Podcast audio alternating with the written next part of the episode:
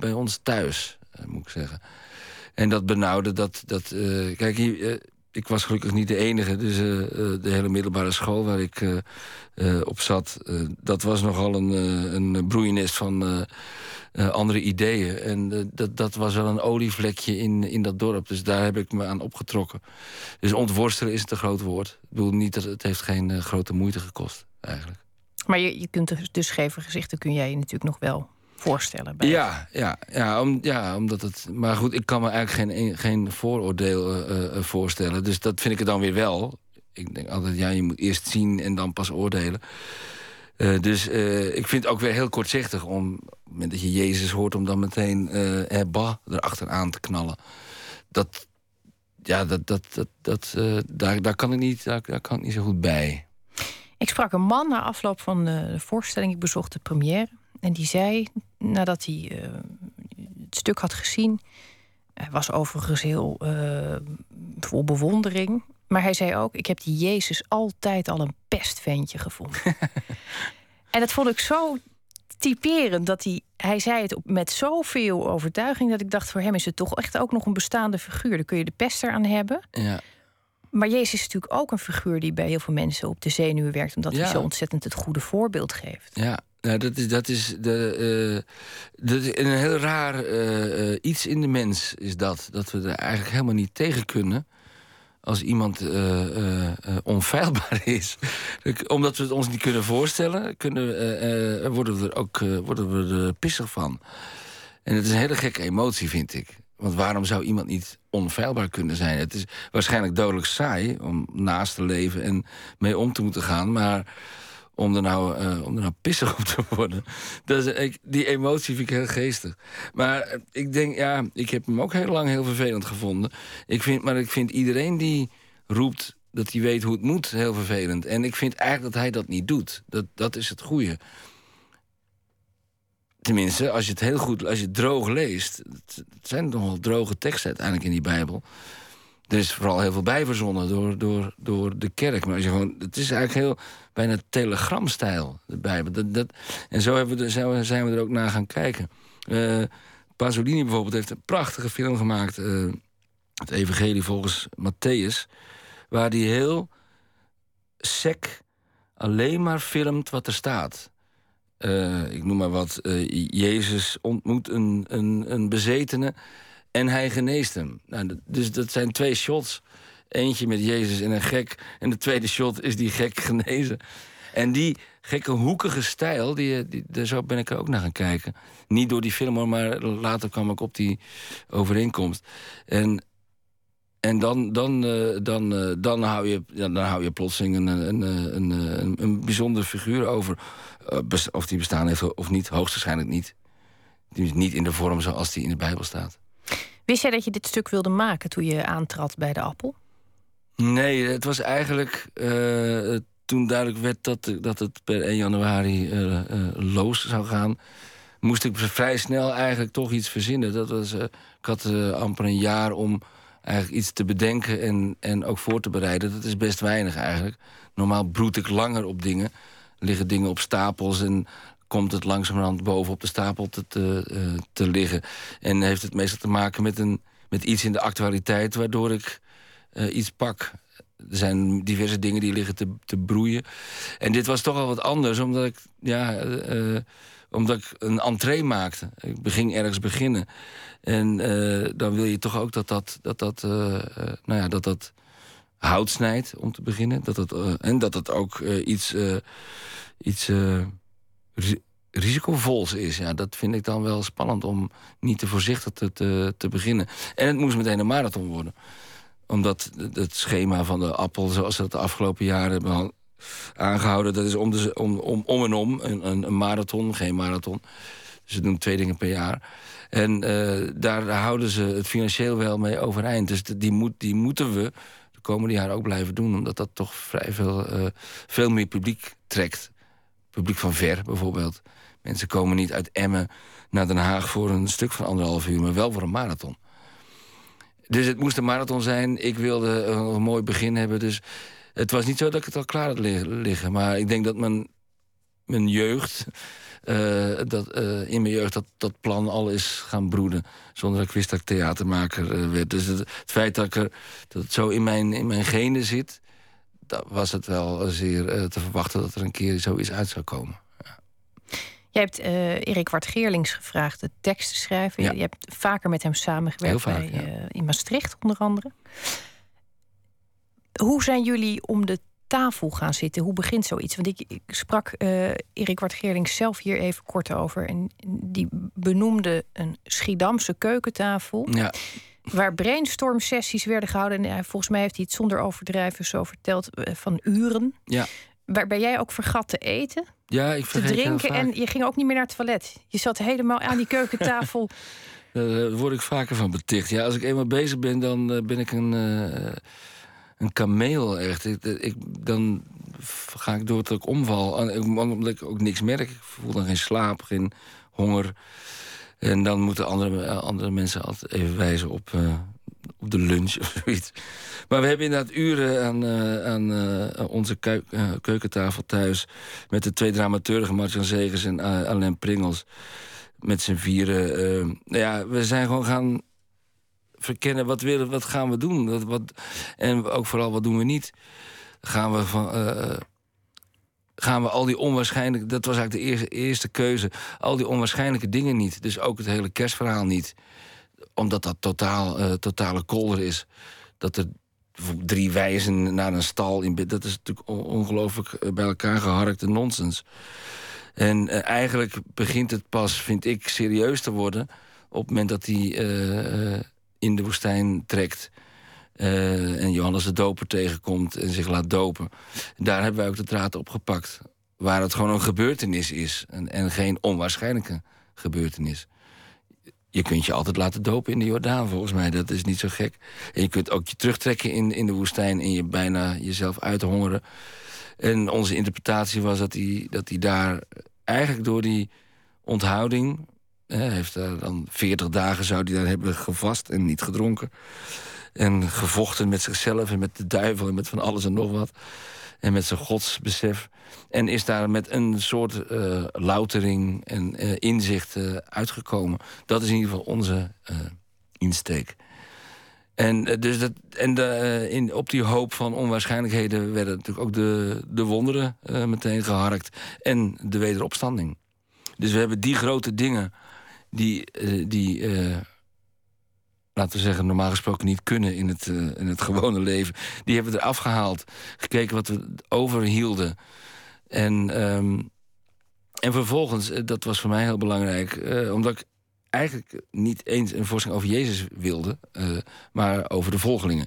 En dus dat was de volgende stap. we gaan al die al die passages, al die, al die momenten, die gebeurtenissen die in de Bijbel zijn beschreven, die gaan we wel langs. Want dat is nou eenmaal het verhaal wat... Dat is een beetje het, het houvast wat het publiek heeft. Oh ja, oh ja bij, bij de tollenaar. Oh ja, de, de steen. Uh, dat zijn dan dat meteen uh, ingeankerde uh, beelden die, die naar boven komen. Maar we hebben dan, zoals ik het altijd steeds maar noem... de camera gedraaid naar de volgelingen. Dus hoe stonden die erbij terwijl... terwijl die, ja, ik noem wat, terwijl die iemand genas of iemand, uh, of, iemand ehm, op, zijn, op zijn veroordeling wijst. Zoals in het scène met de steen als Magdalena Hoer wordt genoemd. Door een van de volgelingen. En Jezus valt daarop aan van ben jij dan beter dan, dan een ander. En dan gaat de focus voor mij ook als regisseur niet zozeer naar die Jezus. Want dat, ik vind hem niet zo, eigenlijk niet zo heel erg interessant om te zien ook. Omdat hij zo onfeilbaar is. Het is veel spannender om te zien wat hij teweeg brengt.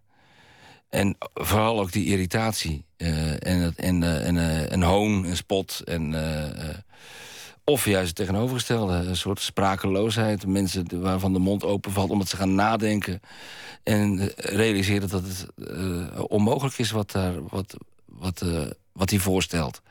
En dan vind ik het spannend worden. Als, als het on, onmogelijk lijkt te zijn. En mensen het dan toch erin duiken. Dat noem ik dan de kracht van geloven. Daar, daar gaat voor mij die voorstelling uiteindelijk over. We, uh, of het waar is of niet waar je in gelooft, je kunt er heel veel kracht uit, uit putten. Uh, zie uh, de, de islam-extremisten. die putten kracht om zichzelf op te blazen uit hun geloof. En het maakt niet eens uit of, of dat waar is. Maar zij geloven het. En daar halen ze de kracht uit. Ik vond dat ook heel griezelig in het stuk. Als ik zag wat, uh, wat volgelingen ook. Uh, je hebt Jezus ontdaan van wonderen. Dat is een keuze die je maakt. Ik kan me voorstellen. De, de, de, de gelovige toekijker dacht: uh, wat is dit voor blasfemie? Um, maar vervolgens laat je ook nog zien dat Jezus voor een heel groot deel een, een, een wit doek is waarop anderen hun verlangens projecteren. Ja. En dat heeft iets heel grimmigs, vond ik ook. Ja, dat, omdat ik, kijk, ik, er is, de, er is bij heel veel mensen toch een behoefte om zich ergens bij aan te sluiten. Ergens bij te horen. Om identiteit te halen uit het feit dat je onderdeel bent van iets groters. Van een grotere groep. Daardoor ontstaan partijen. Of, uh, en, en dat is ook met zo'n ja, met zo'n beweging. Ja, mensen sluiten zich daarbij aan en gaan dan op een gegeven moment. Uh, en worden dan radicaler. En, uh, niet iedereen natuurlijk, hè. ik zit hier niet te generaliseren... maar dat, dat zijn wel de gevallen die voor ons interessant waren. Uh, de twijfelaars en de, en de radicaliserende volgelingen. Zowel de negatieve, mensen die eigenlijk meer en meer afhaakten... bij ons is dat dan Judas. Dat is ook, die radicaliseert de andere kant op. Maar je hebt ook uh, blindelings volgende mensen. En die zijn natuurlijk ook heel eng, want die, die kun je alles inpeperen. Uh, iemand die blindelings doet wat je zegt, die, uh, die heeft geen eigen uh, denken meer, geen eigen wil meer. Omdat hij ervan uitgaat dat het goed is wat er van hem of haar wordt gevraagd. En dan kom je in een radicaal gebied waar het heel link is om in verkeerde handen terecht te komen. Begrijp jij die neiging van mensen om. Nee. Nee. Kun je, daar, je kunt daar niet in meegaan? Nee, ik heb niks met groepen. Nee, ik heb... Ik, nee. Je werkt met enorme gezelschappen bij Ja, ik heb wel iets met mensen. Dus er moet iets van groepsgedrag zijn wat je, wat je, wat je interesse heeft. Een, een, een, een, een, een, een bevlogen toneelgezelschap, dat vind ik een fijne groep om bij te horen. En, uh, maar, dat, dat, maar echt, laten we zeggen, uh, idealistisch uh, of zelfs religieuze groeperingen. Of, of, uh, dat, dat vind ik, ik vind altijd eigenlijk gevaarlijk. Omdat ik het veel mooier vind als iedereen bij zichzelf te raden gaat. Dus als je die religieuze uh, gevoelens of tendensen die je in je hebt... als je die in de, op, de, op de spiegelbot viert... vind ik het spannender en beter voor je omgeving ook... dan wanneer je het bot viert op, uh, op de ander. En, en, je, en je er een, een wet van maakt. Dat, het probleem natuurlijk met religies is dat ze vinden dat ze gelijk hebben. En, uh, en dat er dan op een gegeven moment toch een fase komt... dat je dat van anderen gaat eisen. Dat ze dat ook vinden en, en ook gaan aanhangen. En daar wordt het heel gevaarlijk. En daar zitten we met z'n allen middenin. En het christendom heeft eeuwenlang uh, de wereld uh, verstierd. Maar zijn, we, zijn we beter af zonder religie? Ja, dat vind ik wel, ja. Maar, Niet zonder religieus besef maar wel zonder instituten. Wat is, wat is het, het, waar zit het grote verschil voor jou? Nou, op het moment dat het een, een, een instituut wordt met, met, met, uh, met, uh, met regels en met, uh, met wetten en met gedragscodes en, en met de wens om om de ander uh, daarvan te overtuigen, daar, daar, daar, gaat, het, daar gaat het mis. En uh, er zijn natuurlijk ook grotere uh, religies die dat veel minder hebben. Het boeddhisme heeft, die neiging helemaal niet. Om iedereen de, met de haren naar je, naar je eigen kant te trekken. Dus het kan wel. Maar ik, de, grote, de grote instituten in de wereld... die hebben het niet altijd best gedaan, vind ik. En, en de mens is daar dus dan toch ontvankelijk voor. En, de, de uh, en dat, ja, daar ben ik dan daar ben ik wel in geïnteresseerd. Omdat ik daar, eh, daar heb ik het antwoord niet op. Ik weet niet waarom iemand zich aansluit bij een extreme groep. Nou ja, behoefte aan leiding. Iemand die zegt hoe het moet. Ja. ja maar kan, omdat ik het me niet van binnenuit kan voorstellen...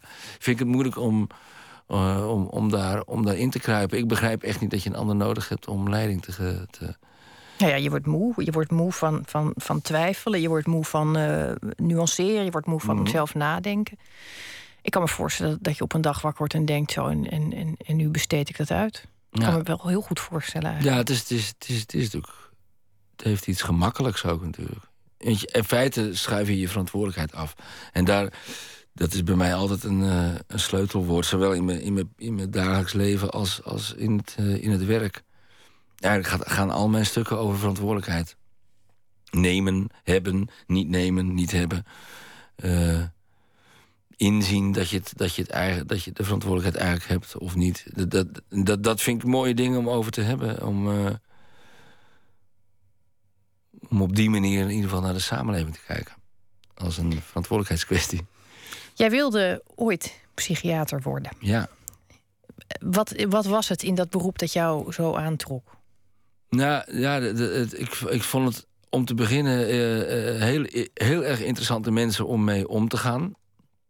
Ik, in mijn middelbare schooltijd had ik allerlei baantjes in een in de psychiatrische ziekenhuis Endegeest in Oesgeest. Waar, waar Biesheuvel toen ook zat. Die heb ik daar vaak gezien. Maarten Biesheuvel. En dat, daar, daar werkte ik in het weekend en soms ook in, de, in, de, in de vakanties.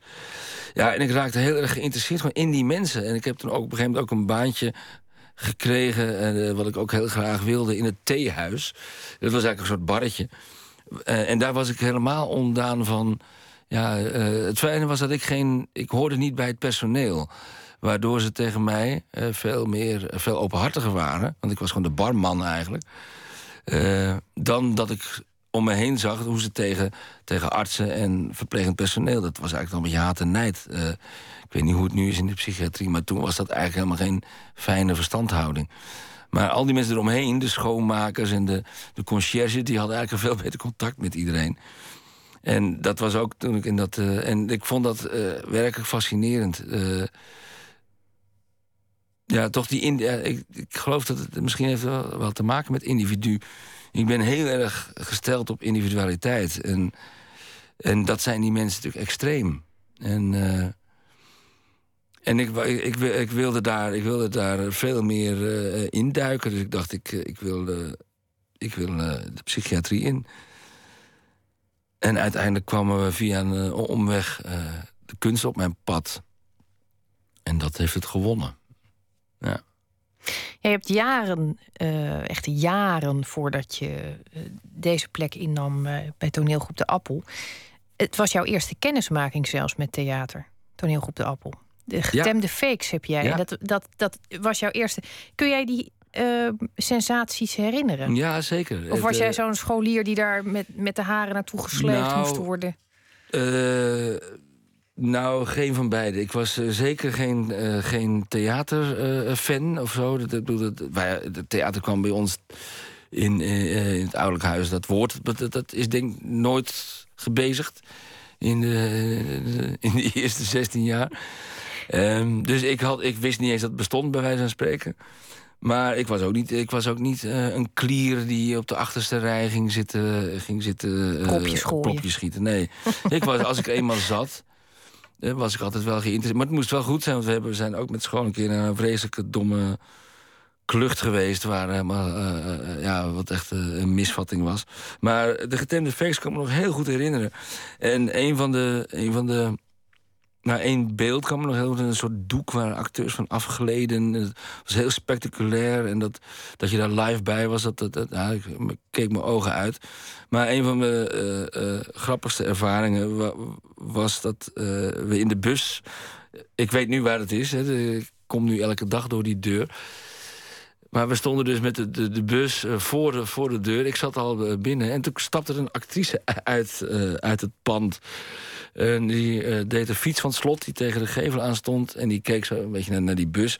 En die keek mij recht in mijn gezicht. En toen zwaaide ze. Nou, dat was voor mij echt... dat, het was alsof dat niet kon. Die magische wereld van het theater was zo... Ja, die, was zo, die had zo'n indruk op mij gemaakt... dat ik helemaal niet, me helemaal niet kon voorstellen... dat dat gewoon mensen van vlees en bloed waren. Dat heeft het publiek vaak trouwens ook. Wij merken heel vaak dat mensen soms helemaal niet doorhebben... dat bijvoorbeeld acteurs alles horen. Die mensen denken alsof dat, alsof dat een soort rare... er gebeurt daar iets op die vloer. En, maar het, dat komt door die magie die het uitstraalt. Waardoor het dus iets, iets, iets niet echt lijkt. En dat had ik ook als kind. En wat, het was een ontnuchtering, maar ook... Ik was ook uh, natuurlijk heel erg trots dat er aan mij gezwaaid werd... door een van die actrices. Ik zou heel erg willen weten wie het was. Maar dat, uh, misschien was het wel Geert de Jong die nu Maria speelt bij mij. Want het was een vrij jonge vrouw. En ze, is, ze was toen denk ik 20, 25. Dus het zou heel goed Geert de Jong hebben Dat zou prachtig zijn. Ja. is de cirkel een beetje rond. Um, ik, ik wil toch nog één ding weten over, over de, de, de lengte. De, de, marathon is natuurlijk des appels. Mhm. Ehm, in dit geval uh, vier uur en een kwartier, grofweg.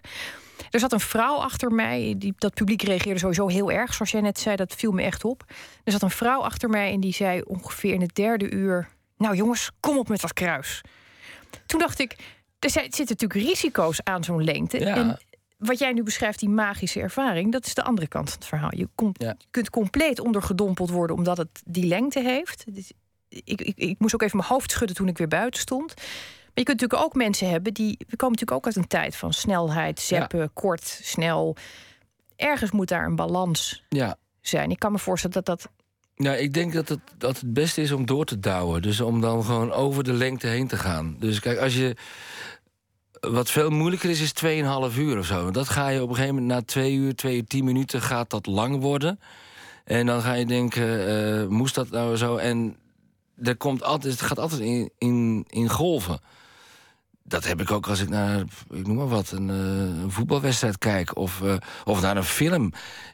De mooiste films ben ik toch zeker tien keer tijdens een film licht afgeleid. Dat gebeurt toch eigenlijk altijd. Uh, zeker als je niet in de bioscoop... In de bioscoop is misschien anders. Maar als je hem gewoon thuis kijkt... Uh, en dat daar heeft theater ook gewoon mee te maken. Dat niet ieder, niet die boog kan nooit uh, die hele volle lengte gespannen zijn bij, bij, bij het uh, publiek. En ik, het enige wat ik wil is dat wij, wij denderen door. Dus bij ons blijft die boog gespannen.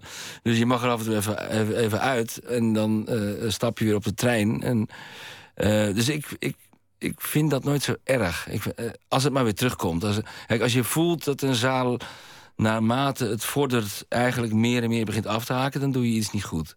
Dus als het echt massaal is, of in ieder geval een groot deel van het publiek... en het, is, en het bouwt steeds verder af, dan, dan heb je een probleem. Maar golven van uh, ja, even eruit en erin... Dat, uh, dat, is, dat, kan eigenlijk helemaal, uh, dat kan eigenlijk helemaal geen kwaad. En ik vind het mooi om door te duwen. Want misschien dat die vrouw een half uur later dacht... wauw, wat fijn dat het nog niet afgelopen is. Nou, ze bleef stug zitten hoor. En aan het eind was ze heel gelukkig. Dus uh, het, liep goed af. Um, hoe lang gaan jullie door voorlopig? En nu tot en met eind mei.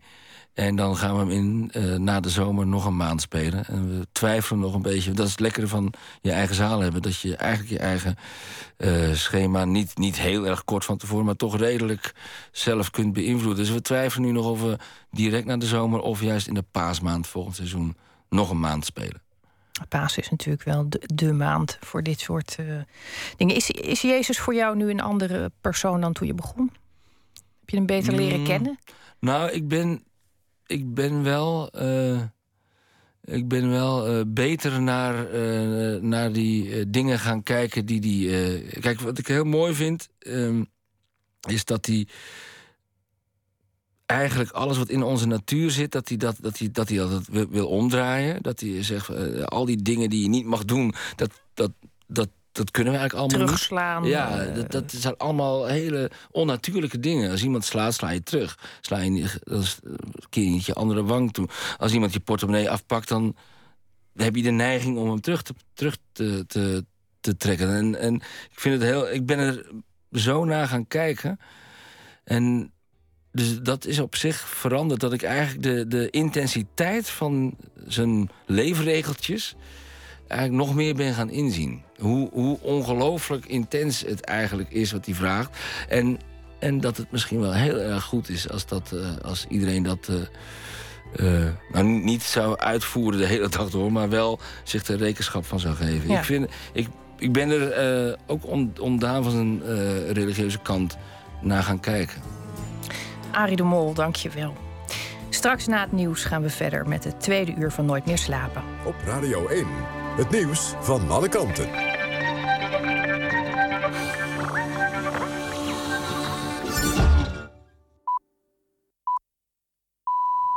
Het is 1 uur, Patrick Holtkamp met het NOS-journaal. De internationale burgerluchtvaartorganisatie ICAO heeft een website opgetuigd om gegevens over de veiligheid van het luchtruim boven conflictgebieden te delen. De website is voor iedereen toegankelijk en was een nadrukkelijke wens van onder meer Nederland, naar aanleiding van de ramp met de MH17 boven Oekraïne. De ICAO-site is sinds begin deze maand in de lucht, maar dat is nu pas breed bekend geworden. Deze week zijn de eerste waarschuwingen erop geplaatst door Groot-Brittannië. Die gaan over luchtverdedigingswapens die gevaarlijk kunnen zijn voor vliegtuigen in het luchtruim boven Irak, Libië en Egypte. Rusland was lange tijd tegen de site. Of dat nog steeds zo is, is niet duidelijk. De informatie op de site komt van landen en luchtvaartorganisaties. Nederland geeft 5 miljoen euro voor noodhulp in Jemen. Minister Ploemen voor ontwikkelingssamenwerking stelt het geld beschikbaar op verzoek van de VN. Door de strijd tussen de regering en de Houthi-rebellen zijn tienduizenden mensen op de vlucht geslagen. Ook is er een groot gebrek aan voedsel, schoon drinkwater, medicijnen en brandstof. De naam ISIS wordt geschrapt van de lijst met orkaannamen. ISIS was volgend jaar op de alfabetische lijst aan de beurt. Maar de meteorologische dienst van de Verenigde Naties vindt vanwege de associatie met terreurgroep ISIS een andere naam beter. ISIS wordt vervangen door IVET. De 27 landen die bij het meteorologische dienst van de VN zijn aangesloten hebben unaniem ingestemd met de naamswijziging. Namen van orkanen staan van tevoren vast. Er wordt elke zes jaar een nieuwe alfabetische lijst afgewerkt. Het weer. Vannacht op de meeste plaatsen helder. De temperatuur daalt naar 2 tot 4 graden. Overdag is het zonnig. Het wordt 11 graden op de Wadden tot 15 graden in Limburg. Maar door de stevige noordoostenwind voelt het wel wat kouder aan. Dit was het NOS Journaal. NPO Radio 1. VPRO. Nooit meer slapen.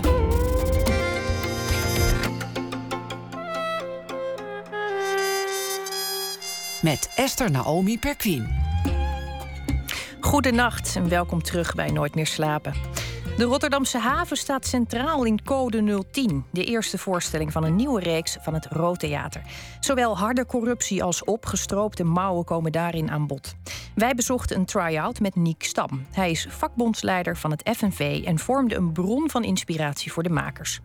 En morgen is het Record Store Day, een feestdag ter ere van de onafhankelijke platenwinkels.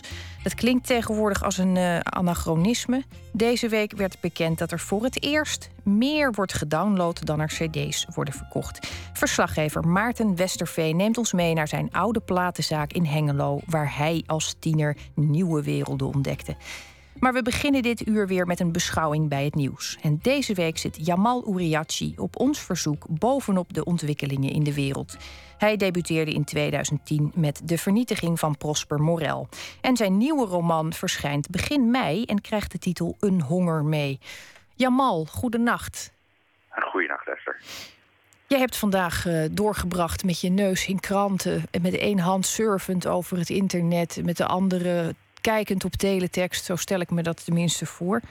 Um, nou, dat viel eigenlijk wel mee. Uh, ik heb uh, eerst in een uh, tandartsstoel twee uur gelegen.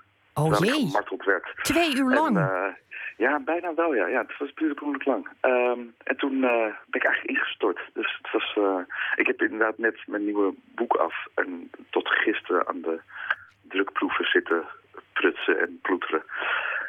Ja, en dit is, voorbij. Het is natuurlijk... Dus het, rare dag. Het is een oproep ook aan alle tandartsen om schrijvers die net een uh, boek hebben voltooid, niet twee uur lang te martelen. Dat moet te doen ja, zijn. Ja. ja. ik ben heel benieuwd wat je in deze veldslag nog uh, voor ons hebt weten te schrijven. Ja, ik ga in de toekomst kijken. Nou, niet heel erg, maar over twee dagen. Um, ik zal het zo toelichten, maar ik zal eerst even voorlezen wat ik heb geschreven. Mijn vriendin en ik waren krap anderhalve maand samen toen we over adoptie begonnen na te denken ergens in die periode moest ik voor een optreden in Gent zijn en zij vergezelde me. Daags na het evenement deed zich onverwacht een geschikte gelegenheid voor. We aarzelden niet. 7 december 2013 staat er op het adoptiecertificaat. Toegekend, ik citeer, voor het adopteren van een schrijfmachine uit de collectie van Willem Frederik Hermans. De naam van ons kindje, de rode IBM. We zetten onze handtekeningen in boekhandel Limerick in een achterkamer waar ook alle andere adoptieschrijfmachines stonden. Tientallen waren het er. In de kamer geurde het aangenaam naar smeerolie en inkt. Ik wenste ook een vleugje oude rook waar te nemen. Er waren aanwijzingen dat Hermans op de rode IBM zijn meesterwerk Nooit meer slapen had geschreven. Of het waar is, doet er niet toe. De machine heeft aan de oude meester toebehoord. Mijn vriendin en ik hebben geen bezoekregeling voor ons adoptiekind. Het is alweer lang geleden dat ik het voor het laatst gezien en aangeraakt heb. Ook dat doet er niet toe. Het gaat erom dat je je over een flinter literatuurgeschiedenis ontfermt... en die flinter een heel klein beetje je bezit kunt noemen. Op grote schaal is dat de normaalste zaak van de wereld, zeker in de Verenigde Staten. Rijke Amerikanen doneren aan musea en krijgen soms hun eigen zaal of vleugel toebedeeld. Maar de kleine man, zou die niet een veel warmere, intiemere band met de schone kunst te krijgen als hij objecten kon adopteren voor een vriendelijk bedrag? Bij wijze van experiment bied ik mijn vulpen aan ter adoptie. Het is een zwarte Mont Blanc, Meisterstuk. Geïnteresseerden kunnen mij via mijn website of de sociale media benaderen om de adoptievoorwaarden te bespreken. Dankjewel Jamal. Wat een uh, pijnlijke kwestie roer je nu ineens uh, in mij aan. Ik vraag me ineens af wat er toch met mijn typemachine gebeurd kan zijn. Die ik jaren geleden. geadopteerd? Ik had, er, ik had er één ooit in bezit. Die heb ik, ja, ik had hem niet zelf gebaard, maar het was ook geen adoptiegeval. en die, die, is, die is me ergens eh, tussen de ene verhuizing en de andere blijkbaar ontglipt. Oh jee. Ik vind het een heel mooi. Uh, vind het een heel mooi idee om een, uh, om een typemachine te adopteren. Is dit iets wat je in de toekomst uh, ambieert? Zelf nog een eentje adopteren? Ja. Nog geen. Nou, nee, ik vind één voorlopig, uh, daar, daar, daar, heb ik uh, mijn handen af vol. Nee, de reden dat ik het eigenlijk had uh, hierover schrijf... is dat er zondag een boek wordt gepresenteerd in boekhandel Limerick in Gent... over die typemachines. Nooit meer typen heet het boek. Nooit meer typen. En daar, daar staan allemaal foto's van die complete collectie in. Dat is volgens mij een... ja, echt een, ik denk dat het een mooi boek is. Maar het is vooral heel erg leuk om eens een keer, als je daar in de buurt bent, langs te gaan. Want het is dat kamertje daar achter in die winkel, waar al die typemachines staan, het is echt bedwelmend. Als je nou. van Hermans houdt in ieder geval. Uh, ja, ja, mij heb je hiermee. Uh, Dank je wel, Jamal Uriachi, voor deze bijdrage. En tot de ja, volgende en ga jij keer. vooral uh, vannacht nog even op zolder zoeken of je niet toch je oude kindje kunt Ik ga dat zeker doen. Dank je wel. Oké, okay. fijne nacht. Dag. Hoi.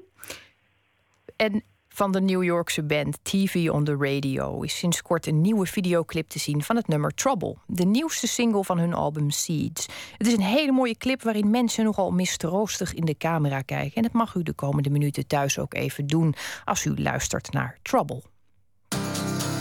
Oh, here comes trouble. Put your helmet on. We'll be heading for a fall. Yeah, the whole thing's gonna blow. And the devil's got my number. It's long overdue. He'll come looking soon. Yeah, the whole thing's gonna blow.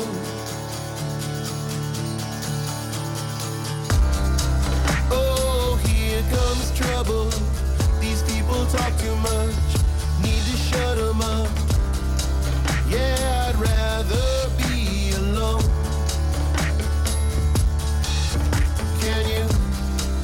yeah.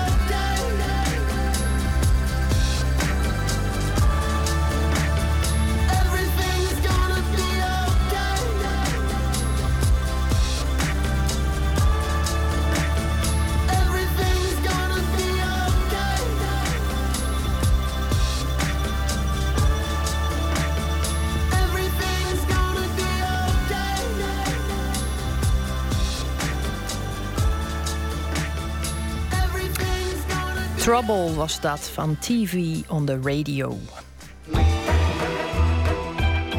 Nooit meer slapen. De afstand tussen het Roodtheater in Rotterdam en de meest westelijke haven daar is ongeveer 75 kilometer. Dat gigantische gebied is inspiratiebron voor een nieuwe voorstelling van het Roodtheater Code 010. Verslaggever Botte Jellema ging gisteravond naar de try-out samen met de voorman van FNV Havens, Niek Stam. Zij ontmoeten er na afloop theatermaker Sadetin Kirmisicius. op straat in eh, Rotterdam. Niek, de havenman van de FNV. Ja. Eh, wat, wat doe je precies bij FNV en in de haven? Nou, ik ben eh, de eerste onderhandelaar in de, de sector havens voor FNV Havens. En eh, dus wij eh, samen met, met mijn team en eh, met onze kaderleden onderhandelen we 47 CO's uit in de, in de Nederlandse zeehavens. De meeste daarvan uiteraard in Rotterdam. Hoeveel werkplekken gaat het over? Dan praten we toch gauw over eh, ongeveer 8000 eh, mensen. En, eh, en ook nog een belangrijk deel van mijn tijd zit ik ook in het buitenland, internationaal. Omdat we heel erg internationaal georganiseerd zijn. Ja. Omdat we allemaal voor dezelfde klanten werken, de rederijen, de schepen. Ze hebben een inspiratie opgedaan bij de televisieserie The Wire. Is, is dat je bekend? Ken je die? Ja, die, die serie die, die ken ik, ja. Baltimore speelt het in, de Verenigde Staten. Is dat zo'n havenstad waar je wel eens komt? In Baltimore ben ik ook geweest, uiteraard. Eh, ja, ik ben al heel veel havens in de wereld geweest. En eh, ik hoop dat met deze voorstelling dat de stad weer een beetje van de haven gaat houden. Want dat is wel iets wat ik mis als ik in het buitenland ben. Dan zie ik echt dat de hele gemeenschap eh, begaan is met die havenwerkers. En dat komt ook, omdat die haven heel dicht bij de stad ligt.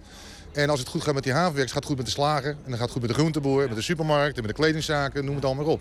En hoe ver moeten we vanaf hier naar de Tweede Maasvlakte? Hoeveel kilometer is dat? Nou, dat is gewoon een uur rijden. Natuurlijk, je moet eh, voorbij de borden Engeland. En dan, als je allemaal rechtdoor rijdt, dan kom je er. We gaan zo even zien. Eh, We hebben een eh, kaartje voor de try-out voor vanavond. En dan eh, spreken we elkaar na afloop eh, over wat we ervan vonden. Ja, prima, leuk. Dankjewel. Deze kant op lopen.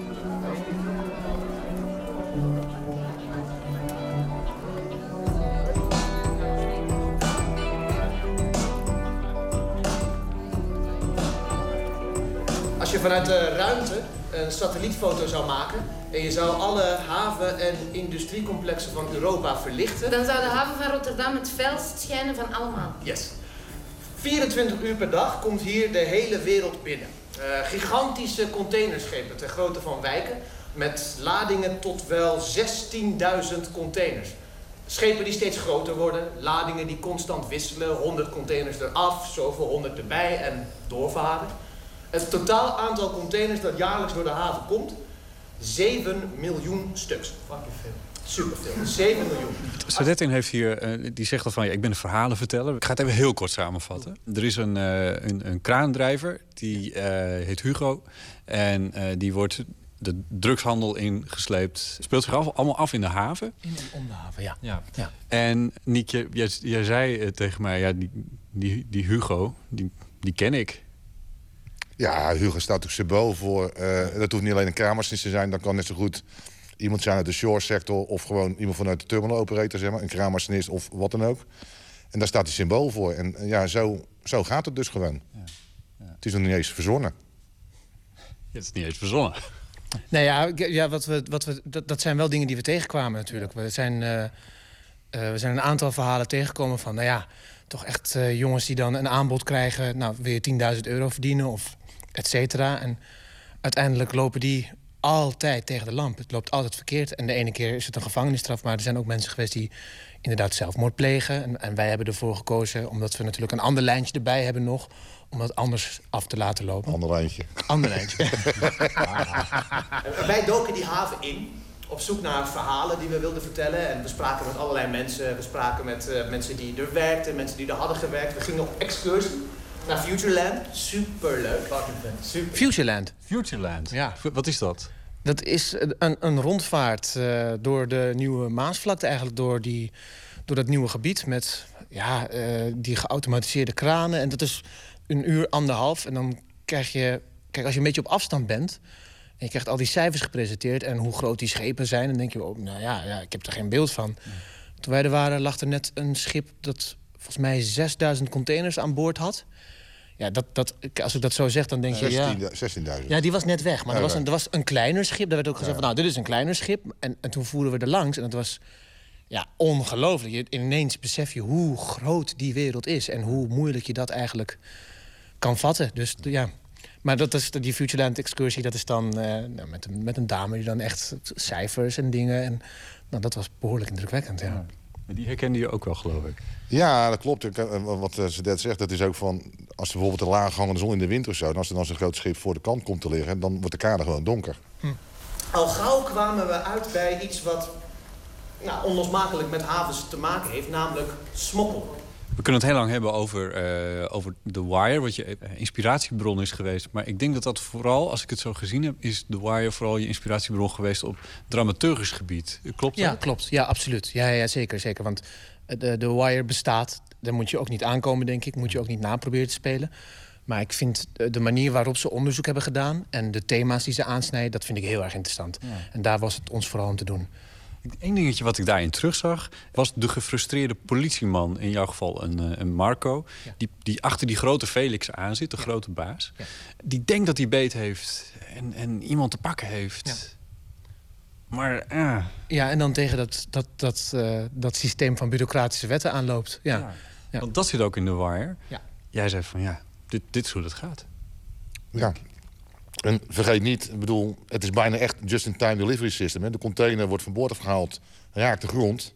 En dan komen couriers komen aanrijden om die container open te maken en de sporttassen eruit te halen. Dat, bedoel, daar zit nog geen 10 minuten tussen. Dus daar zit best wel natuurlijk een hele complot zit erachter. En ja, het is maar net wat je wil natuurlijk als overheid hè, of als justitie. Van wil je de- de- degene die bovenin wil die pakken. Maar ja, dan ben je natuurlijk maandenlang weer... eh, dan moet er weer iemand anders moet er dan weer in, de, in die positie komen. Waar je kunt ook niet aan de indruk onttrekken dat bepaalde terminals... gewoon de lok eentjes zijn van eh, het Openbaar Ministerie. Verder, hè? ja, dat is toch fantastisch. Ja, ik vind dat heel spannend. Kijk, ik kan me voorstellen dat, dat voor jullie sector... dat dat eigenlijk behoorlijk onprettig is. Dat, dat soort figuren, dat soort organisaties... dat soort, nou, dat soort gebeurtenissen voorkomen. Maar voor mij als verhalenmaker is dat heel spannend. Dus wij hadden in eerste instantie, toen we begonnen met de haven... wilden we vooral kijken naar wat doet de haven met de stad. En het, dat soort wat grotere thema's. En we liepen... Constant kwamen we uit op smokkels. Maar ja, en dan zijn we toch van ja, we willen toch misschien ook wel een beetje een spannend verhaal vertellen. Dus we hebben ons echt laten verleiden. En eh, ja, van de ene verbazing in de andere kwamen we terecht. Eh, dit zijn 140 suikerklotjes. En die eh, staan voor die 7 miljoen containers die jaarlijks door de haven komen. En dan is één suikerklotje 50.000 containers. 50.000 containers. Dat is het aantal containers dat jaarlijks op inhoud wordt gecontroleerd door een eh, team van eh, HARC, eh, Hit and Run Container Team. Dat zijn 25 mannen en één Jack Russell. True story. Ja. En de helft van de keren is het raak. Dan wordt er iets gevonden in eh, die eh, container. Een van de beeldende dingen die er in eh, jouw verhaal zit... is eh, die ehm, bak met, eh, met suikerklontjes. Ja, 140 suikerklonten. Eén staat voor 50.000 eh, containers. Ja. ja, dat is het aantal containers dat wordt gecontroleerd. Ja. En er komen 7 miljoen containers door de haven. En daarvan, ja, dat is qua mankracht, maar volgens mij ook qua tijd. Want dat moet doorgaan, toch? Je kan het niet tegenhouden. Het is een 24 uur economie waar we in leven. Dan is zo'n haven natuurlijk heel belangrijk. En als je dan zegt, oh, wacht even.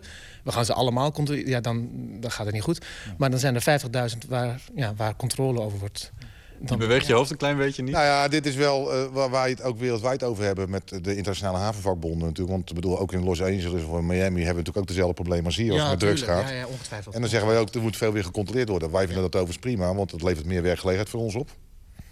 En dan blijkt dus gewoon dat eh, zeg maar, economische belangen zwaarder wegen dan de veiligheid van Hmm. het achterland. Ja.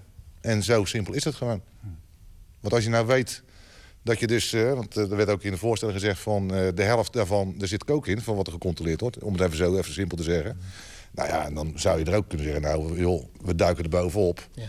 En we pakken elk container en dat houden we een jaar lang vol en het is over. En die keuze wordt gewoon niet gemaakt.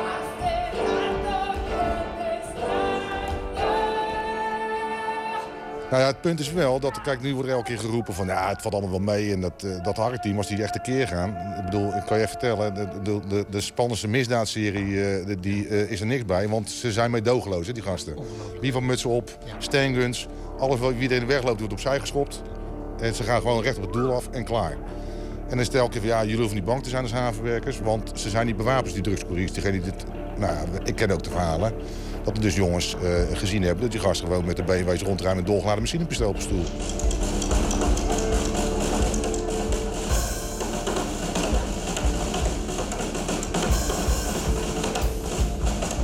Wat uiteindelijk niet in de voorstelling terecht gekomen, wat we wel wilden proberen. Eh, een tijd geleden is er iemand gearresteerd die tegen de lamp is gelopen omdat hij een tuin van 90.000 euro had laten aanleggen. Ja, en ik vind dat zo ontroerend ergens ook, dat dat, dat, dat je droom is. Dat, dat je, het, ja, je wil iets, namelijk een hele mooie tuin. Of je wil iets anders, of je hebt het om wat voor reden dan ook. We hebben van alles geprobeerd. Hè? Dus Maar dan ben je dus behoorlijk hersenloos, hè? ja, ja, ja, want je, je wordt gewoon gepakt. Ja. er zijn zoveel redenen om te doen wat je doet. De verleiding is groot. Ja, Wil je even snel 10.000 euro verdienen? Je moet gewoon aanwijzen waar die container staat. Of je moet je pas even afgeven en je mond dicht houden. Klaar is Kees. Maar ja, als je er eenmaal in zit, kom je er niet meer zo makkelijk uit. Ja, je bent onteigend van jezelf. En je wordt van hun. Dus ik hoop ook echt dat havenwerkers ook hier gaan kijken. En dat degene die in ieder geval eh, tot nu toe gedacht hebben... van joh, mij overkomt het niet. Het is een goede waarschuwing. Want zo simpel als dat hier wordt voorgesteld... zo simpel is het eigenlijk. Had je dat gedacht, uh, Sadetin, toen je eraan begon? Dat je een soort waarschuwing aan het maken was? Nee, maar ik vind het wel heel tof om te horen. Ik vind, ja, dat, dat, dat vind ik wel heel fijn. Ik- ja.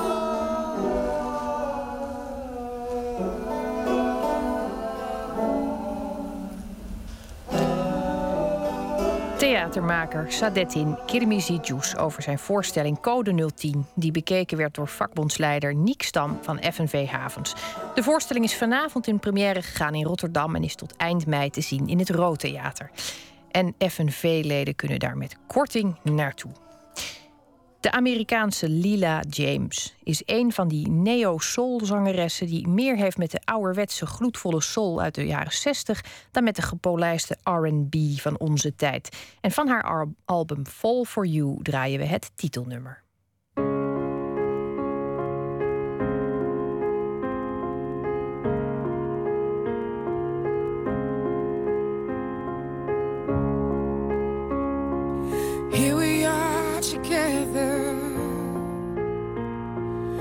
Everything between us is good. I'm riding this cloud, baby, ready to fly, but before I take another step, would you catch me if I fall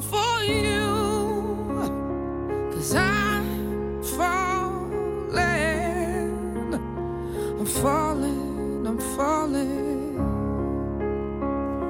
I'm so used to standing. So used to being on my own. But this thing is new, babe. It feels like I'm losing control.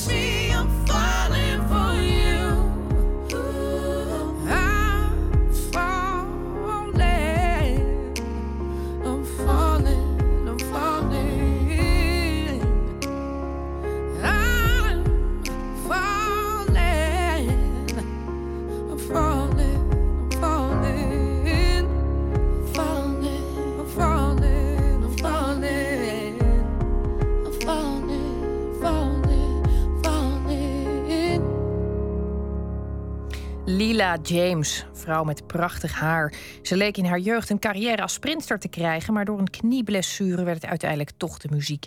De titel Fall for You heeft daar overigens niets mee te maken, voor zover ik weet. Nooit meer slapen. Iedere vrijdag bellen we voor een culturele tip met een van onze smaakmakers. Vandaag doen we dat met Anne de Meester, directeur van het Frans Hals Museum en de Hallen in Haarlem. Anne, goedenacht. Goedenacht, Esther. Vannacht eh, ben ik tot de blijde conclusie gekomen dat Rotterdam het, eh, het eh, kunstnieuws eh, domineerde deze week. En het begon met de problemen bij het Wereldmuseum, dat bijna failliet is. En waarbij de vraag ontstond of de directeur wel of niet mocht blijven. En ehm, dan was er ook nog de, de, vraag of het museum Boijmans van Beuningen wel of geen open depotgebouw mag bouwen. Ja, en dat gebeurt dus wel. Ja, heb jij deze zaken op de voet gevolgd? Ja, ik bedoel, eh, het is inderdaad, er is ook geen ontsnappen aan. Ik denk, het, eh, zeker het Wereldmuseum haalt bijna de voorpagina's. En het is ook eh, ergens schrijnend. Ik bedoel, ik weet niet wat de rol van de directeur hierin precies is, maar wel dat het museum dat de hele tijd werd geprezen omwille van zijn ondernemerschap, die bijna failliet is, is schrijnend. Ja.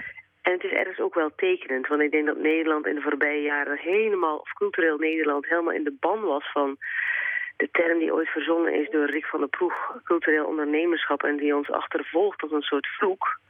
En dit is nu, ja, dit is bijna ironisch. En dat is er natuurlijk wel ontluisterend aan.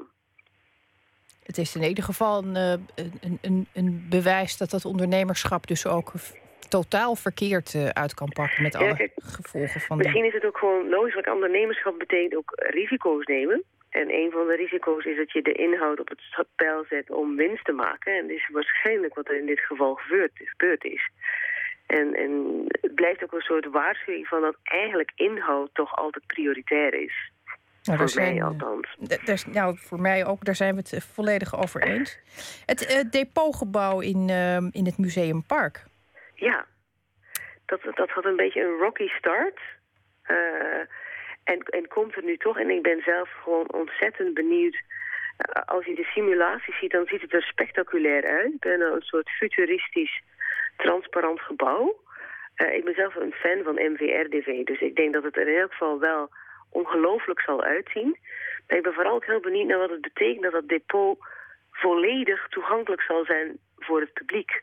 Want het is nogal in tegenspraak met eh, wat een depot doorgaans is. Namelijk een plek waar je kunstvoorwerpen of artefacten en objecten veilig uh, opbergt in een soort optimale omstandigheden. Maar als het permanent toegankelijk is, dan wordt het een soort additioneel museum. Dus ik ben er wel heel benieuwd naar. Het is in ieder geval een bijzondere combinatie tussen opslag en uh, zichtbaarheid. Um, aan jou vragen we altijd een bijzondere tentoonstelling uit te lichten. En deze keer gaan we naar Middelburg voor het werk van Marines Boezem. Ja. Voor wie zijn werk uh, niet of onvoldoende kent, hoe zou je hem willen introduceren? Ja, hij is ongeveer, bedoel, ik, het is misschien vreemd om met leeftijd te beginnen, maar, uh, maar deze boezem is nu 81 jaar oud. En de manifestatie in Middelburg is ook een soort viering van zijn, van zijn oeuvre. Eigenlijk was het naar aanleiding van zijn 80-jarige verjaardag vorig jaar, maar het hele project is uitgesteld. Dat is niet een antwoord op je vraag, maar hij is eigenlijk, is een conceptueel kunstenaar die uh, groot geworden is in de jaren 60, 70.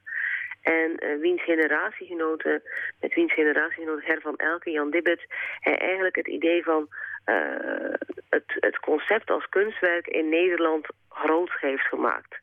Het klinkt een beetje vaag, maar hij is iemand die voornamelijk met ideeën werkt en ideeën als materiaal gebruikt. En uh, het oeuvre is zo rijk en gevarieerd dat ik altijd een beetje de draad kwijtraak als ik het dus moet samenvatten. nou, je ziet er wel een paar thema's in terugkomen.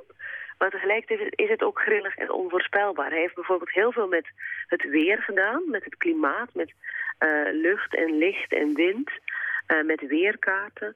Maar hij heeft ook ontzettend veel in een motief dat heel vaak bij hem terugkomt, is, uh, is verschijnen en verdwijnen. Een ander motief dat heel vaak terugkomt, is een soort ongebreidelde verbeelding. Een van de mooie projecten in Middelburg die je eigenlijk niet kunt zien als bezoeker, maar die er wel zijn, is de Porsche Academie. Hij heeft eigenlijk bedacht van al een, een, aantal decades geleden, maar het wordt nu pas, nu pas wordt het werkelijkheid dat de kunstacademie zoals we die kennen, dat die niet goed functioneren. Dat je daar eigenlijk een ander systeem zou moeten voor hebben. En dat andere systeem is de Porsche Academie. En het is heel simpel, het bestaat uit een aantal hoogleraren, bijna allemaal kunstenaars. En die hebben een Porsche ter beschikking, een hele snelle bolide, waardoor ze binnen de 24 uur overal ter plekke kunnen zijn om jonge kunststudenten met een bepaald probleem te helpen.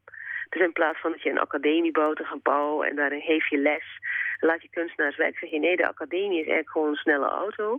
En een aantal hoogleraren die op verzoek, als een soort gesofisticeerde callgirls, eigenlijk meteen naar de kunststudent toe kunnen gaan als hij een issue aan hen wil voorleggen. En dat brengt hij nu in Middelburg onder andere in de praktijk. En dat is denk ik wel redelijk typerend voor zijn werk. Het soort klinkt- speelsheid, ja. Ontzettend aanlokkelijk en, eh, en speels. D- nou, dat is mooi, want jij begon over de leeftijd. Ehm, dat verwacht je misschien niet. En dat is eh, ontzettend fijn om te horen. En ehm, aantrekkelijk klinkt het. Zijn tijdgenoot Herman de Vries, daar wil ik het ook nog heel even over hebben. Die mag Nederland vertegenwoordigen op de Biennale van Venetië. Ehm, dat is best opmerkelijk. Ja.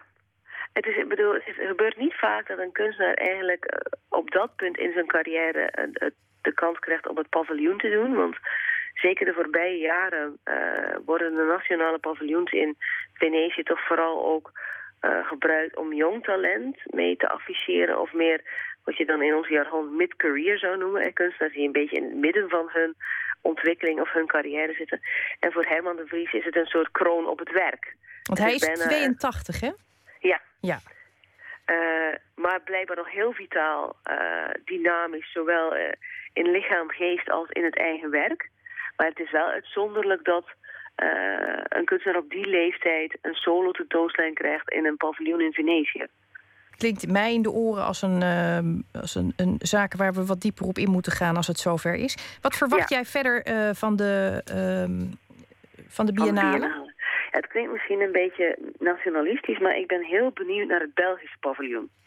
Eh, het Belgische paviljoen is altijd, eh, zoals jullie, de, de luisteraar waarschijnlijk weten, België is een, is een eh, federaal land met twee gemeenschappen. En cultuur is in België niet iets van een soort centrale staat, maar van de gemeenschappen. Dus ook het paviljoen in Venetië, dat wordt één, jaar, één, twee jaar ingevuld door de Vlaamse gemeenschap.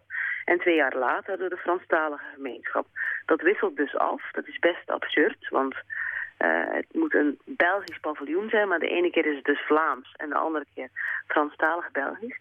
En dit jaar was er enorm veel ophef, ook een rechtszaak eigenlijk over wie uh, het paviljoen zou krijgen. Uh, en uiteindelijk is dat een, een, een Franstalig Belgische kunstenaar geworden, Vincent Mason die samen met een Grieks-Belgische curator, Catharina Gregos, daar een project realiseert dat eigenlijk een soort onderzoek is naar de koloniale geschiedenis van Europa. En daar ben ik ontzettend uh, benieuwd naar, niet omwille van die rechtszaak, uh, ook typisch Belgisch, heel absurd dat je een rechtszaak gaat voeren over een kunstpaviljoen.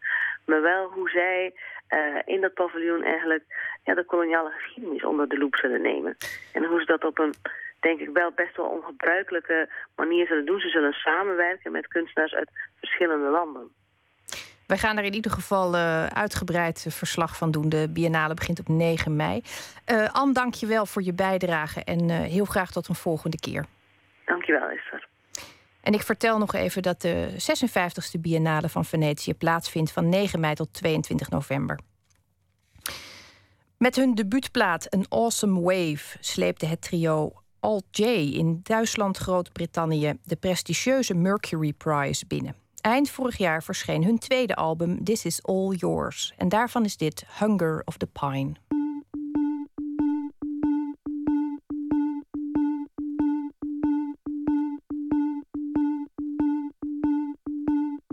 Sleeplessly embracing Butterflies and needles line my seamed up joint, encased in case I need it. In my stomach, on my heart, chainmail, hunger of the pine.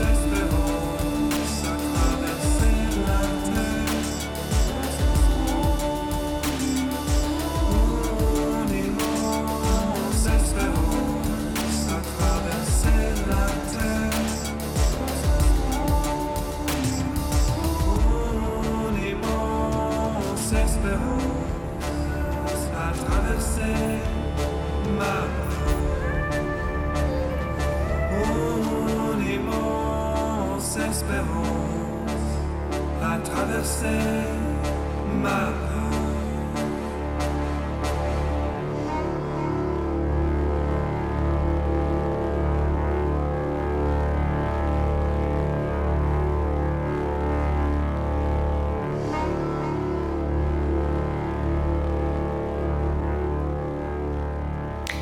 Uit Leeds komen ze, de heren van Alt J. Hunger of the Pine heet het nummer dat we draaiden. Nooit meer slapen.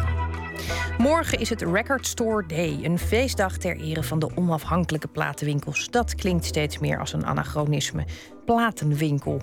En niet alleen omdat er tegenwoordig meer muziek wordt gedownload dan fysiek wordt aangeschaft. Nee, zelfs het idee van een winkel lijkt soms zijn beste tijd te hebben gehad.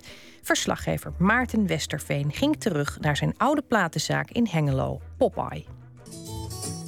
I feel my heart. Over een paar uur openen de deuren van platenzaken in het hele land voor Record Store Day. Van het Oor van Almere tot Wims Muziekhuis te Doetinchem worden optredens georganiseerd, unieke uitgaves verkocht en heel erg veel over muziek gepraat. Ik besloot een volproef te nemen in de platenzaak van mijn jeugd. Popeye in Hengelo. Popeye met Johan. Goedemorgen. Zolang ik het me kan herinneren bestiert Johan Dollekamp de mooiste plek van de metaalstad. Dat bleek gelukkig niet bevooroordeeld jeugdsentiment, maar ook een objectief gegeven. Toen de VPRO de verkiezing voor Nederlands platenzaak-icoon uitriep... bleek een overweldigend aantal mensen Popeye voor te dragen. Voor de VPRO was de uitverkiezing van die onbekende winkel... en haar besnorde eigenaar een volkomen verrassing. Maar voor iedereen in het oosten een vanzelfsprekendheid. Johan doet alles voor zijn klanten. Regelt kaartjes voor uitverkochte concerten, zit uren op zelfgemaakte platenbonnen te tekenen en brengt je bestelling desnoods op werk. Maar al die zaken moeten nu even wachten, want deze zaterdag is het Record Store Day. Dat is kerst, oud en nieuw en Pasen in één voor een platenboer.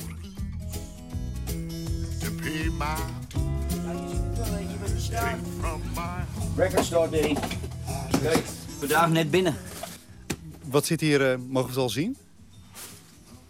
Wat hierin zit? Ja. Ja, dat moet ik allemaal uitzoeken, joh. Ja, dat is, daar ben ik de hele dag mee bezig en morgen ook, hoor. Wat verwacht je hier nu in? Wat, wat, eh, wat treffen we hier nu straks in aan? Eh, pff, daar heb ik een lijst van. Ja, dat weet ik niet weten, joh. Kijk, ik heb hier al... Ja, hier heb ik wel een lijst van dingen die... Wat voor... Hoeveel meer mensen komen er nou op dat soort dagen? Ja, dat is echt... eh, de, zaterdag is al de drukste dag, zeg maar. In de winkel. En... eh, ja, dat, dat, dat, dat kun je niet, dat kun je niet, niet in, een aantal personen... eh, nee, dat, dat kun je haast niet zeggen. Is het, is het... Komen er dan meer mensen uit volk... eh, ga even hier staan. Komen er dan meer mensen dan uit het gevoel van... Nou ja, hè, het is zoiets als met, met, eh, met kerst naar de kerk gaan. Voelt, Ja, dat is, mensen zien er al eh, weken naar uit. Die gewoon zeggen, Johan, zaterdag, zoals Bed ook net. Goede klant voor soul en funk en noem maar op. En die, eh, die, ja, die mensen, nou, hij, dan, hij is dan minder vinylverzamelaar. Hij is dan echt voor cd's, maar... ja, er komen mensen die zijn al weken, is de fever al... dus ik heb net een foto, ga ik posten op Twitter, heb ik al gedaan, aan de It's On. Dus zien ze al die, zien ze die dozen daar staan. En eh, ja, daar gaat al een hele. Een- ja, er zijn mensen die, die, die gewoon hun hele weekend daarvoor gepland hebben, joh. En jij, behalve natuurlijk dat het topdrukte is. Maar wat betekent het voor jou? Ja, voor mij is het, eh, is het de beste dag van het jaar. Dus het gaat natuurlijk ook bij Popeye wel om de centen. Eh, althans, alleen om de centen niet. Maar ja, dat, is, dat, kun je niet, dat kun je niet vertellen, dit. Maar het is gewoon een, een, een belevenis. Ik begin s'morgens om 8 uur. We gaan een tent opzetten hier. Er komen een paar bands. En die hebben zich allemaal zelf aangemeld. En eh, ja, dat, kun je, dat moet je meemaken, dat circus. Dat is gewoon... eh, ik sta hier alleen, hè, dus dat is gewoon eh, high pressure. Dat gaat maar de hele dag door. Ze staan hier al om half negen, negen. Normaal ga ik om tien uur open. Maar ik ben hier om acht uur. Ga met een paar vrienden tent opzetten. Kom een pieetje. En we hebben traditioneel, dat doe ik elk jaar, 100 roomsoezen. Die worden uitgedeeld. De potten met koffie. Ik zorg voor wat fris en, en blikjes en van mensen die van verder weg komen. En eh, ja, dat is gewoon één groot circus. Dat kun je niet vertellen. Popeye is een anachronisme in een tijd waarin niet alleen cd's hun langste tijd hebben gehad, maar ook winkels steeds overbodiger worden. Twintig jaar geleden kende ik veel vrienden die droomden van een baan in een platenzaak.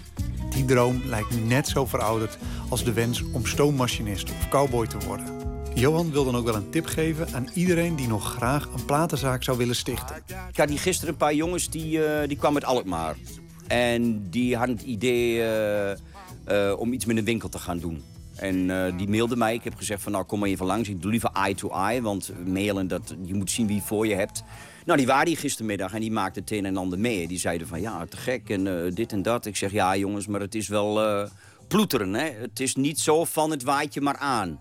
Ik ben 24-7 met die winkel bezig. En ik heb nogmaals, dat zeg ik erbij, dat heb ik vaker gezegd, vind ik heel belangrijk. Die winkel kan ik ook doen, puur omdat mijn vrouw werkt.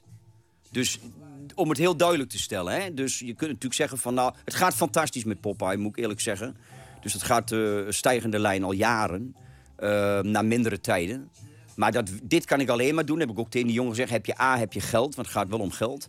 B, heb je een vriendin of een vrouw die werkt. Ik zeg, heb je dat niet, moet je er niet aan beginnen. Ik zeg, en, en je moet erover nadenken, wil je dat geld wat je hebt investeren in een winkel waarvan de uitkomst onduidelijk is? Een avontuur. Ik zeg, ja, ik ben het avontuur aangegaan in 81. En als ze nou zullen zeggen, zou ik het nog een keer doen? Direct. Want dit is fantastisch.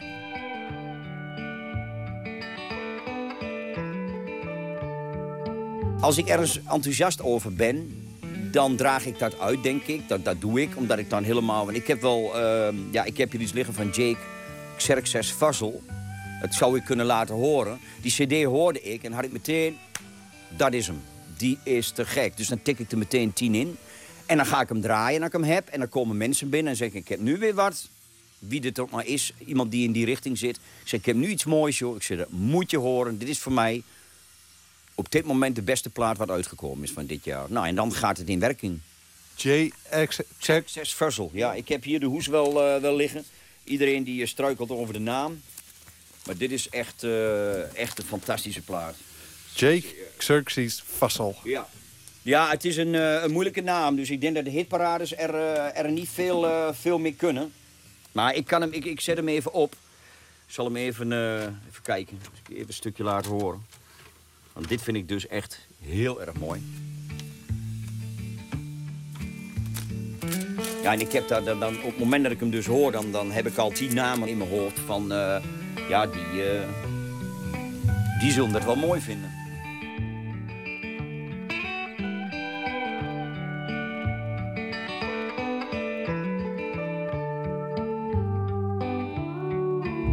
Oh, it's to the bucket shop. I lost all my money and now I have flopped, and it's hard times. What a pity, poor boy, it's hard times when you down and out. Hoe ga jij te werk eigenlijk? Hoe zorg jij dat jij precies dat vindt wat een ander nodig heeft? Ja, dat is denk ik een. Uh, dat, dat kun je toch. Ja, noem het maar een relatie wat je met je klanten hebt. En dat, dat de meeste mensen, nou ja, meeste, uh, 99% van de mensen ken ik. En als er iemand binnenkomt die bijvoorbeeld in de progressive hoek zit... dat had ik bijvoorbeeld met Catatonia toen. Maar die ga ik dan ook via Facebook of via Twitter berichten sturen, weet je. Dat doe ik ook heel veel. Dan zeg ik, René, ik heb weer wat binnen. En dat is een grote prog-fan. Nou, en dan hij plaatst dat weer op, op Twitter. Hij, hij, en ik retweet dat weer, want ik heb weer een geweldig prog-album. En ik ga gewoon op mensen, ja, je kent de mensen, weet je. En, en, en of dat nou Americana is, of Symfo, of blues, of... Maakt niet uit wat het is, maar als de mensen binnenkomen... en dat had ik gisteren ook, komt hier een man die zegt... Uh, ik moet wat hebben voor een collega van mij... Uh, die houdt van uh, country. Ja, ik zeg country is breed, is heel veel. Ik zeg, maar is het country, Americana? Is het een beetje singer-songwriter-achtig? Nou, toen pakte ik een van de toppers van, van vorig jaar. Dat was Jason Isbell van de Drive-By Truckers. Die heeft hier ook gespeeld in de Metropool. En die, ik liet hem drie dingen horen. Ik zei, ik heb hier drie verschillende dingen traditional country, singer-songwriter, heel sober. Uh, en ik heb een, uh, een meer uplifting uh, plaatje van Jason Isbell. Nou, en hij luistert naar drie en zegt, dat lijkt me wel wat. Ik zeg, nou dan... Weet je, dat, dat, je moet samen met de klant even in, in, in gesprek. En een, een, ja, een feeling wat je hebt ontwikkeld. Je ziet wel een beetje aan de mensen welke kant ze op willen.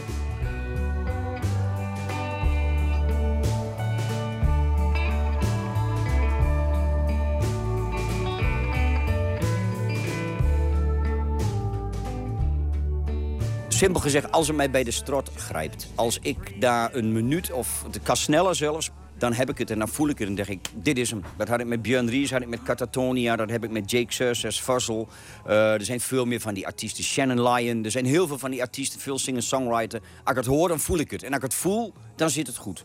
Record Store Day is natuurlijk geweldig. Het is fantastisch iets voor ons. We kunnen er allemaal God op de blote knieën voor danken dat dat bestaat. Dat dat ooit bedacht is in Amerika, volgens mij. En die organisatie, ik heb een jongen daar, Stefan van Persum... de fantastische jongen, die heeft me heel goed op de hoogte gehouden met dingen. Maar er zit altijd een frustrerende kant aan. En dit vind ik toch ook belangrijk als winkel dat je dat zegt. Dat betekent dus veel bestellen, maar niet alles krijgen. Ik heb gewoon wie komt, die heeft hem. Wie te laat komt, heeft pech gehad. Dus ik verwacht wel dat hij morgen, of uh, zaterdagmorgen, als ik hier die tent ga opbouwen, dat hij wel uh, een paar mensen al staan hoor. Waar zit je nou het meest van te genieten op die zaterdag? Mm, de enthousiasme van mensen.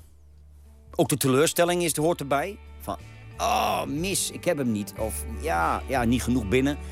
Maar de, de, de blijdschap dat je, er gaan mensen echt uh, hier uh, met een smile on the face gaan ze de deur uit. En uh, ja, dat is, dat is het mooiste wat er is. Dat, dat bewerkstellig je met muziek. The judge to treat you well. You offer a hundred dollars, he'll send you to Atlanta. It's hard times, but a pity, poor boy. It's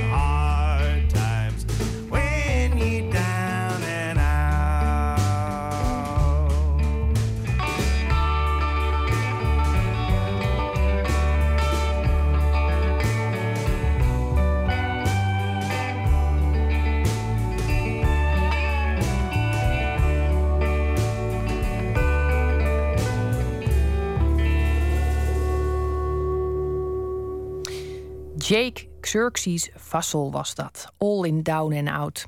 En u hoorde verslaggever Maarten Westerveen in gesprek met zijn favoriete platenboer Johan Dollekamp, eigenaar van Popeye te Hengelo. En nog een paar uur dan kunt u bij Johan en tal van andere platenzaken terecht voor speciale uitgaven en optredens. En dat alles in het teken van Record Store Day. En meer informatie vindt u op recordstoreday.nl. En we sluiten deze aflevering weer af met een dichter die een favoriet gedicht voordraagt. Deze week is de keuze aan Marjolein van Heemsa. Zij sluit de week af met een eigen gedicht getiteld Slaapdagboek.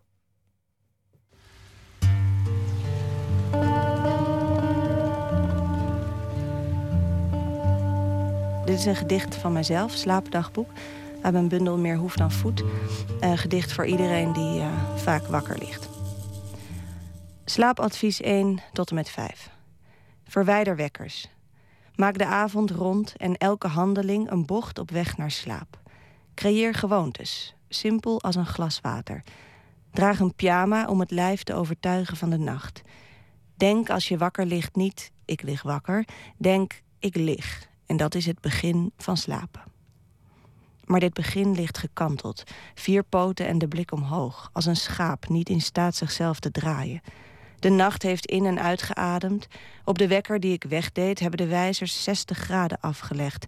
Gradaties donker trokken door de kamer tot nu. De meest doorlaatbare nautische schemer. Al urenlang verandert alles, maar niet dit begin. Of hoe moet ik het noemen? Een zeef tussen binnen en buiten. Het wiegen van een tak, in en uit de schaduw. Dit schommelend in tweeën liggen. Half verdwenen, half aanwezig. Slaapadvies 6. De pijnappelklier, de pit in de hersens die donker meet en doet versuffen, kan gebaat zijn met een dosis extra melatonine. In afwachting van de werking google ik de klier, de pit, de zetel van de ziel, schrijft Descartes, ter grootte van een ert. Een kogelrond vissenoog dat open en glazig mijn brein verkent. Schaamtes, klein conflict, wie te bellen, wat te zeggen, wat recht moet, ongedaan gemaakt. Het overzichtelijk leed dat leven heet. En zich s'nachts tot rozenkrans rijgt. Het oog schiet er langs, kraal voor kraal, razendsnel, een waanzinnige ert, een neurotische non in gebed. Als dit een zetel is, dan een wankelen. Mijn ziel tot wandelen gedoemd. Slaapadvies 7. Een bed is groter dan een bed. Het is het hele huis dat je toedekt, inclusief zijn mensen. Ken het ritme van wie naast je ligt. Maar ik vind geen ritme. Of het moet het ritme zijn van een ruïne, een langzaam overwoekerd worden. Van zijn lichaam losgeknoopt ligt wie naast mij ligt, geduldig te vergaan tot open plek. Wie weet waar hij nu wakker is, met wie zijn geest versmelt. In zijn adem hoor ik geroezemoes van nachtelijk bezoek, terwijl ik gesloten op de veren lig. Slaapadvies 8 tot en met 31. Vermijd licht, verduister, oefen, eet bananen, eet geen fruit, zoek het licht op, drink warme melk.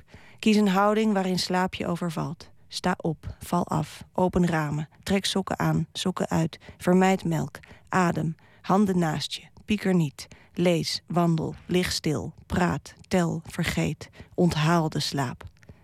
Achter me een trage voetstap, een paard, in het laatste donker opgedoemd, dat mij volgt. Het hoofd een zware engel in mijn nek. Ik verberg me in de manen, val uit mijn wervels, gered. Ik aai, klop, juich, maar vergeet het paard te voeren. Het loopt doodkalm van mij weg. Slaapadvies 32. Becijfer om grip te krijgen je slaap van 1 tot 10. De laatste tram, een dronken galm, de heese stem van het meisje bij de buren op tv, 9, 8. Het rolluik van de avondwinkel, 7. Laag voor laag afgepeld, 6, 5, 4, tot dit bangste dier dat de badkamer inglipt en daar het licht uitlaat uit angst voor het hazenoog van de spiegel. 3, 2, 1 wordt en wacht tot de ochtend koud en veilig optrekt. Centimeter voor centimeter. Een kat, een krant, de klap van de eerste autodeur het dier toedekt. Slaapadvies 33. Geen paniek. Geen mens kan zonder slaap. Uiteindelijk word je de diepte ingezogen. Maar niemand heeft ooit diep geslapen. Diep is alleen het waken. Ik lig klaar voor de onverwachte barst... die soms met het eerste licht nog komt. Een kier in deze ondervlakte... om met een flits doorheen te schieten... naar het donker, omhoog. U hoorde Marjolein van Heemstra met het gedicht Slaapdagboek. En volgende week mogen we luisteren naar de keuze van dichter Krijn Peter Hesselink. Ik vertel nog iets over maandag. Dan komt schrijfster Eva Postuma de Boer langs. Bewondering en obsessie. Daarover gaat haar vierde roman Ika. Maar vooral gaat het over schrijfster Connie Palme, die zij zeer bewondert. Dat kunt u op maandag verwachten. En straks kunt u luisteren naar Woord, met daarin aandacht voor prijswinnaars. Floortje Smit, heb jij zelf wel eens een prijs uh, gewonnen? Een kleurwedstrijd rolschaatsen. Uh, nou, dit is, je, moet, je moet enorm zijn voorbereid op deze vraag. nee, nee, nee, maar dat is echt volgens mij de enige prijs in mijn hele leven die ik ooit heb gewonnen. Ja, u gaat het vannacht uh, allemaal horen, wat heerlijk. Um, ja, ik, ik ga jou het aan het woord laten met alle prijzen van dien. En ik wens u voor nu een mooie nacht.